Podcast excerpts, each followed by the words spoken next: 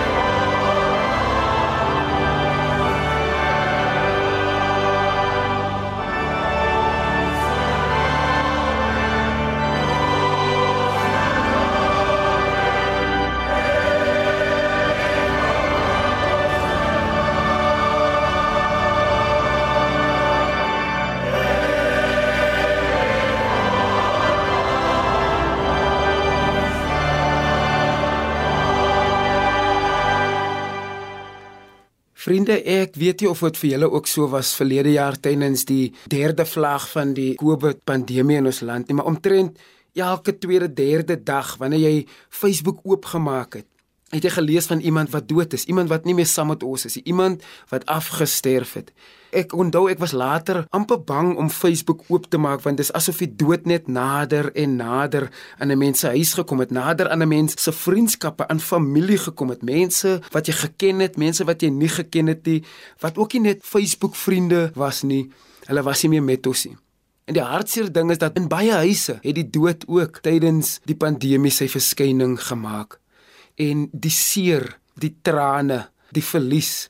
Dit was ondenkbaar moeilik om te verwerk. Die begrafnisse wat deur ons gemeente gefasiliteer was, die roudienste wat gehou was, dit was moeilik om te verwerk. Nou ons lewe in 'n wêreld van selfhelpboeke.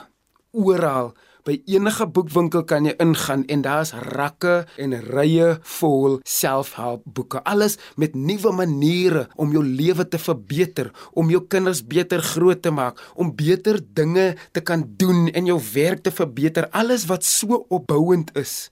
Maar dan kyk ons na die Bybel. En die Bybel maak geen geheim van die sterflikheid en die verganklikheid van alles wat mens gemaak is nie. Dis asof die prediker wat sê alles kom tot niks. Of Dawid wat sê in Psalm 39 as hy sê, ag, alle mense is verganklik.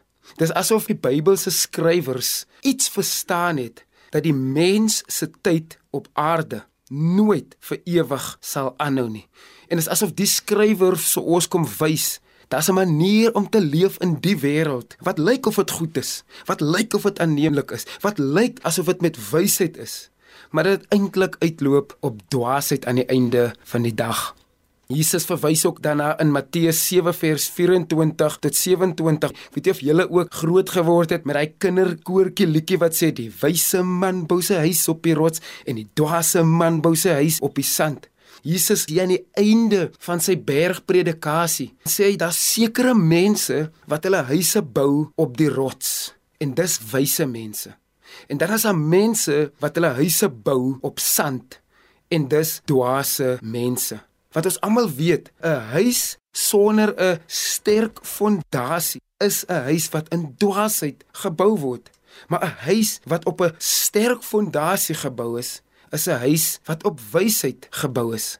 En Jesus verwys na dwaase mense, mense wat nie die ewigheid in gedagte hou wanneer hulle besluite maak nie. Hy verwys na hulle as mense wat op sand bou. En dis hoekom dit uiters belangrik is dat ek vir jou, waar ook al jy jouself bevind in die lewe, in watter seisoen van lewe jy tans is, is dit vir my van kardinale belang om vir jou hier aan die begin van die preek te vra op watter fondasie staan jou huis? Op watter fondasie staan jou lewe?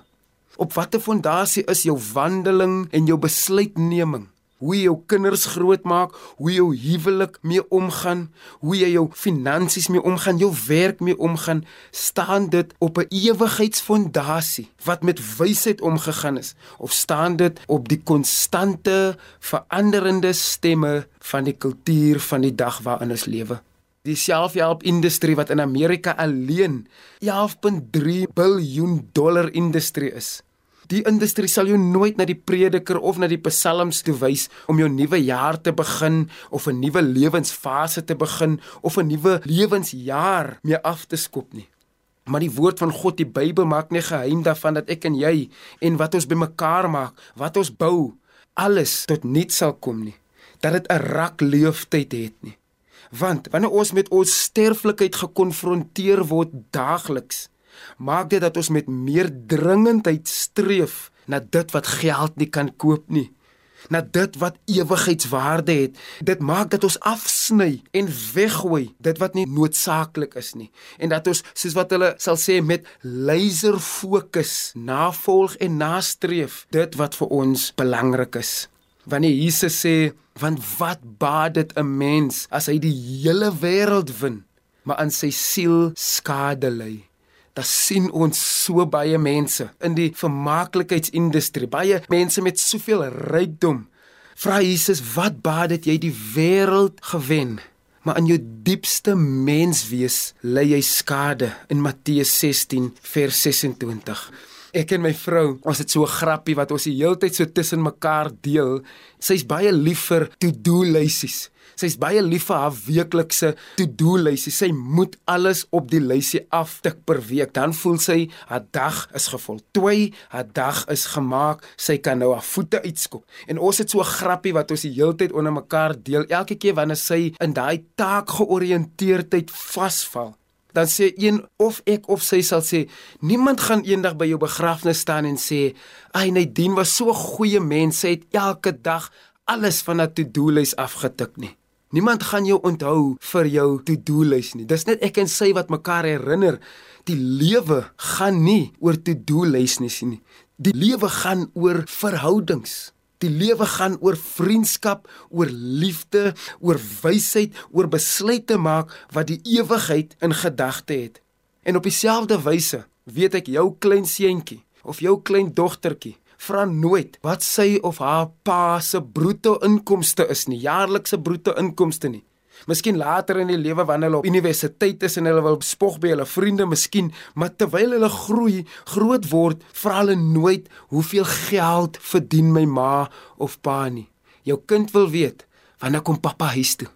Wanneer kom mamma huis toe van die werk af? Wanneer kan hulle bal skop of boek lees of wat ook al jou kinders ten diepste geniet van jou verhouding met hulle? Hulle is geïnteresseerd oor hoeveel geld jy maak. Jy. Hulle wil weet wanneer is jy hier? Wanneer is jy teenwoordig by hulle? En dis maklik om 'n vol skedule te hê, vriende, maar dan 'n leë hart hê. Ons het die goeie goed miskien nagejaag, maar die uiters belangrike goed die lewensbelangrike goed, die goed wat ewigheidswaarde het, het ons versuim of het ons agtergelaat. Paulus praat in Efesiërs 5 vers 15 met die gemeente daar in Efese en hy gee vir hulle amper 'n waarskuwing wat so gepas is vir my en jou vir die tyd waarin ons ook leef vir 2022 hier in Suid-Afrika, in jou huis, in jou omstandighede, by jou skool, by jou werk, gee Paulus die stukkie wysheid ook vir ons. Efesiërs 5 vers 15 sê hy die volgende: Wees dus baie versigtig hoe jy lewe. Moenie soos 'n dwaas lewe nie. Lewe wys. Ek wil dit vir ons so graag weer lees. Dis 'n baie kort stukkie vermaaning wat Paulus vir ons gee. Wees dus baie uiters versigtig hoe jy lewe.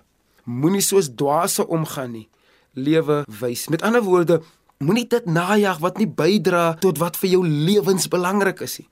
Wat jou roeping en die koninkryk van God tot voordeel is nie.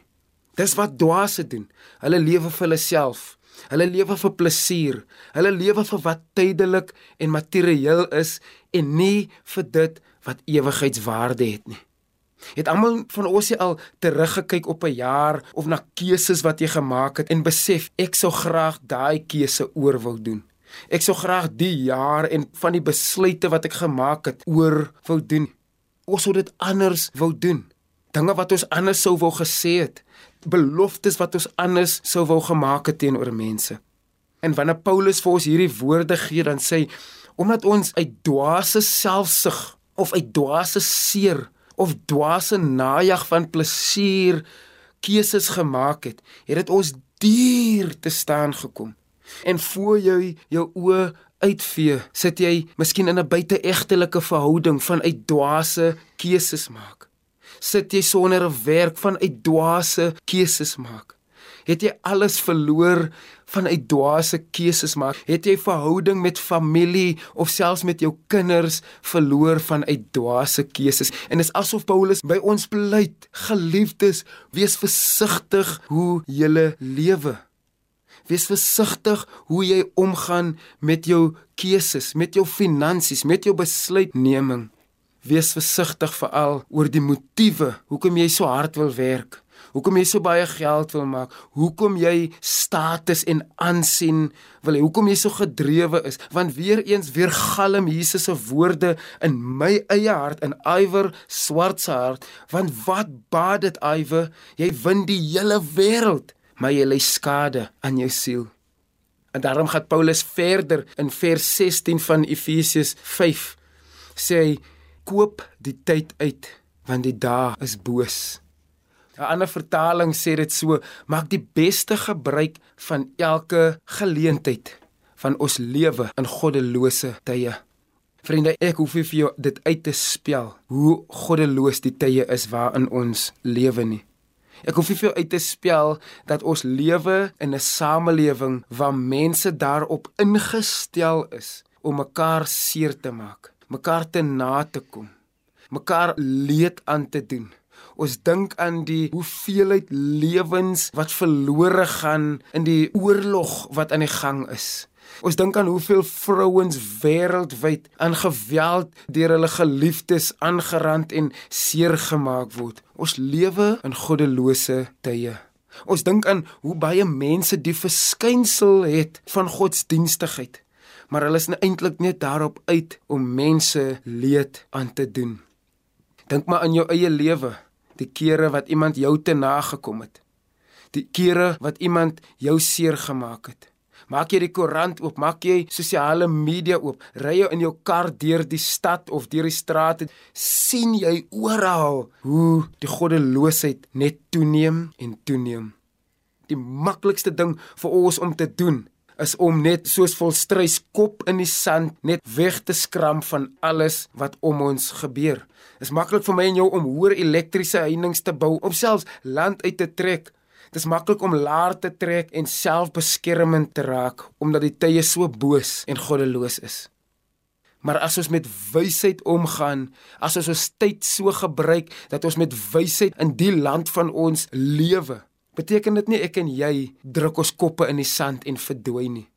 Dis juis om te sê, Here, hoe kan U my gebruik om om mense iets anders van U te wys in die goddelose tye? om so te lewe dat jy alles en almal om jou vir my is nie God se doel met jou lewe en jou storie in ons land in 2022 nie. Om met wysheid te lewe is juis om toe te sien dat God jou optimaal gebruik tot eer van sy naam, tot eer van sy koninkryk eerder as net tot eer van jouself. Paulus sê eerder dat ons gebruik moet maak van die geleenthede wat die goddelose tye ons bied om God se eer te besing om sy lof te besing, om sy glorie te laat skyn, om liefde te toon, om te dien, om te getuig, om sy naam op ons lippe te hê. Ons moenie toelaat dat die donker tye jou lag steel nie. Ons moet ons lag gebruik om die donker tye op te lig. Ons moenie toelaat dat die goddeloosheid ons lig steel nie. Ons moet ons lig gebruik om die goddeloosheid te wys wie God is.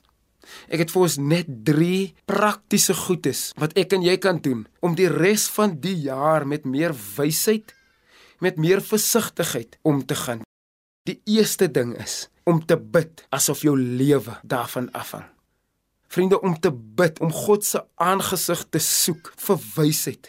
Jakobus sê dit vir ons so mooi as hy sê: "Julle kry nie wysheid nie, want julle vra dit nie van God nie." As jy wysheid nodig het, mag jy dit van God vra en hy sal vir julle wysheid gee. So kom ons bid asof ons lewe daarvan afhang. Verdiep in jou gebedslewe. Wees intentioneel oor jou gebed. Leer en lees. Here, hoe kan ek dieper in gebed met U leef en beweeg? Bou aan jou persoonlike gebedskultuur. Moenie net vir God dinge vra nie. Sluit ook net om wie God is om saam met hom te wees. Sluit dit ook in in jou daglikse gebed. Soms word woordeloos stil voor God. Word gereeld woordeloos voor hom stil. Hou vas aan God asof jy regtig glo. Dis net hy wat lewens verander. Dis die eerste ding. Die tweede ding om met wysheid om te gaan in die jaar is koester jou verhoudings. Mense ons verstaan nie die waarde van verhoudings nie. Ons verstaan nie die waarde van om nou met 'n geliefde te sit en hy persoon ry weg van ons af en ons het geen idee wat daai persoon mee struggle nie. Ons het geen idee van waar dit daai persoon worstel nie. En ons sien op sosiale media hoe mense met die duisternis in hulle diepste binneste sukkel en ons weet nie of hulle dit môre nog gaan maak nie. Ons weet nie as hulle die huis verlaat of hulle nog môre daar gaan wees nie. So koester jou verhouding. Daar is essensiële diep verhoudings, jou familie, jou vriende, jou geloofsfamilie, die verhoudings wat jy oor grense bou, koester daai verhoudings. As jy met wysheid wil lewe in 2022, jy gaan jou verhoudings koester. As God dit op jou hart druk om iemand 'n WhatsApp, 'n SMS, 'n oproep te maak aan iemand om te sê ek mis jou, ons het lanklaas gesels, ons het dalk uitmekaar uit gedryf. Ek weet nie wat het gebeur in ons verhouding dat dit so is nie, maar koester verhoudings voor dit te laat is. Die laaste stukkie wat ek vir ons wil gee oor om met wysheid te lewe is die volgende: wees vergewig asof jy niks hemel toe kan vat nie. Dit is hoe ons met wysheid kan leef. Ons weet alles wat ons het kom van God af. Jakobus sê dit elke goeie geskenk kom van God af. En as ons vrygewig is asof ons niks hemel toe kan neem nie, lewe ons met 'n stuk wysheid wat ander mense nie het nie. Jesus praat self en hy sê: "Wanneer julle vir julle skatte bymekaar maak, Moenie soos dwaase dit doen nie want hulle maak skatte bymekaar waar mot en roes dit kan verwoes. Maak vir julle skatte in die hemel. Met ander woorde, maak vir julle skatte met ewigheidswaarde bymekaar. Ek ken 'n familie, hulle het 'n ding wat hulle vasgemaak het in hulle gesin wat hulle noem skien. S K I N. Wat net sê spend kids inheritance now. Met ander woorde, gebruik die geld wat jy het tot eer van die koninkryk nou. Ek en jy is iets gegee wat ons kan bydra om tot eer van God se koninkryk te gebruik. So bid asof jou lewe daarvan afhang. Koester jou verhoudings, jou diepste verhoudings, asof dit die enigstes is wat jy het. En wees vrygewig asof jy niks van dit saam met jou hemel toe kan vat nie. Kom ek sluit af vir ons met gebed en dan sing ons lied 146 saam. Dis 'n loflied. Dis 'n psalm lied wat sê prys die Here vir wat hy vir ons doen, vir wat hy vir ons gee, vir ons verhoudings wat ons het, vir ons gebedslewe, vir ons vrygewigheid. Mag dit diep tot jou storie spreek. Kom ons bid saam. Here, ons weet, dis net U wat lewens verander. Ons weet niks van wat ons het kan ons eendag saam met ons in die ewigheid vat nie. Wanneer Paulus se woorde oor ons harte spoel, wees versigtig hoe jy lewe. Koop die tyd uit want die dae is boos. Wanneer Jesus vir ons aanmoedig, wat baat dit? Jy wen die wêreld, maar jy lê skade aan jou siel. Here, wil ek bid dat die woorde tot ons harte sal spreek dat ons op 'n praktiese manier die drie goedjies wat ek vir ons aangehaal het om te verdiep in ons gebedslewe om ons verhoudings te koester en om vrygewig te wees. Laat dit goed diep in ons harte insink dat ons as ons môre by die werk kom as ons by die skool kom as ons by die huis kom dat ons hierdie goed sal deel van ons stories maak. In Jesus naam. Amen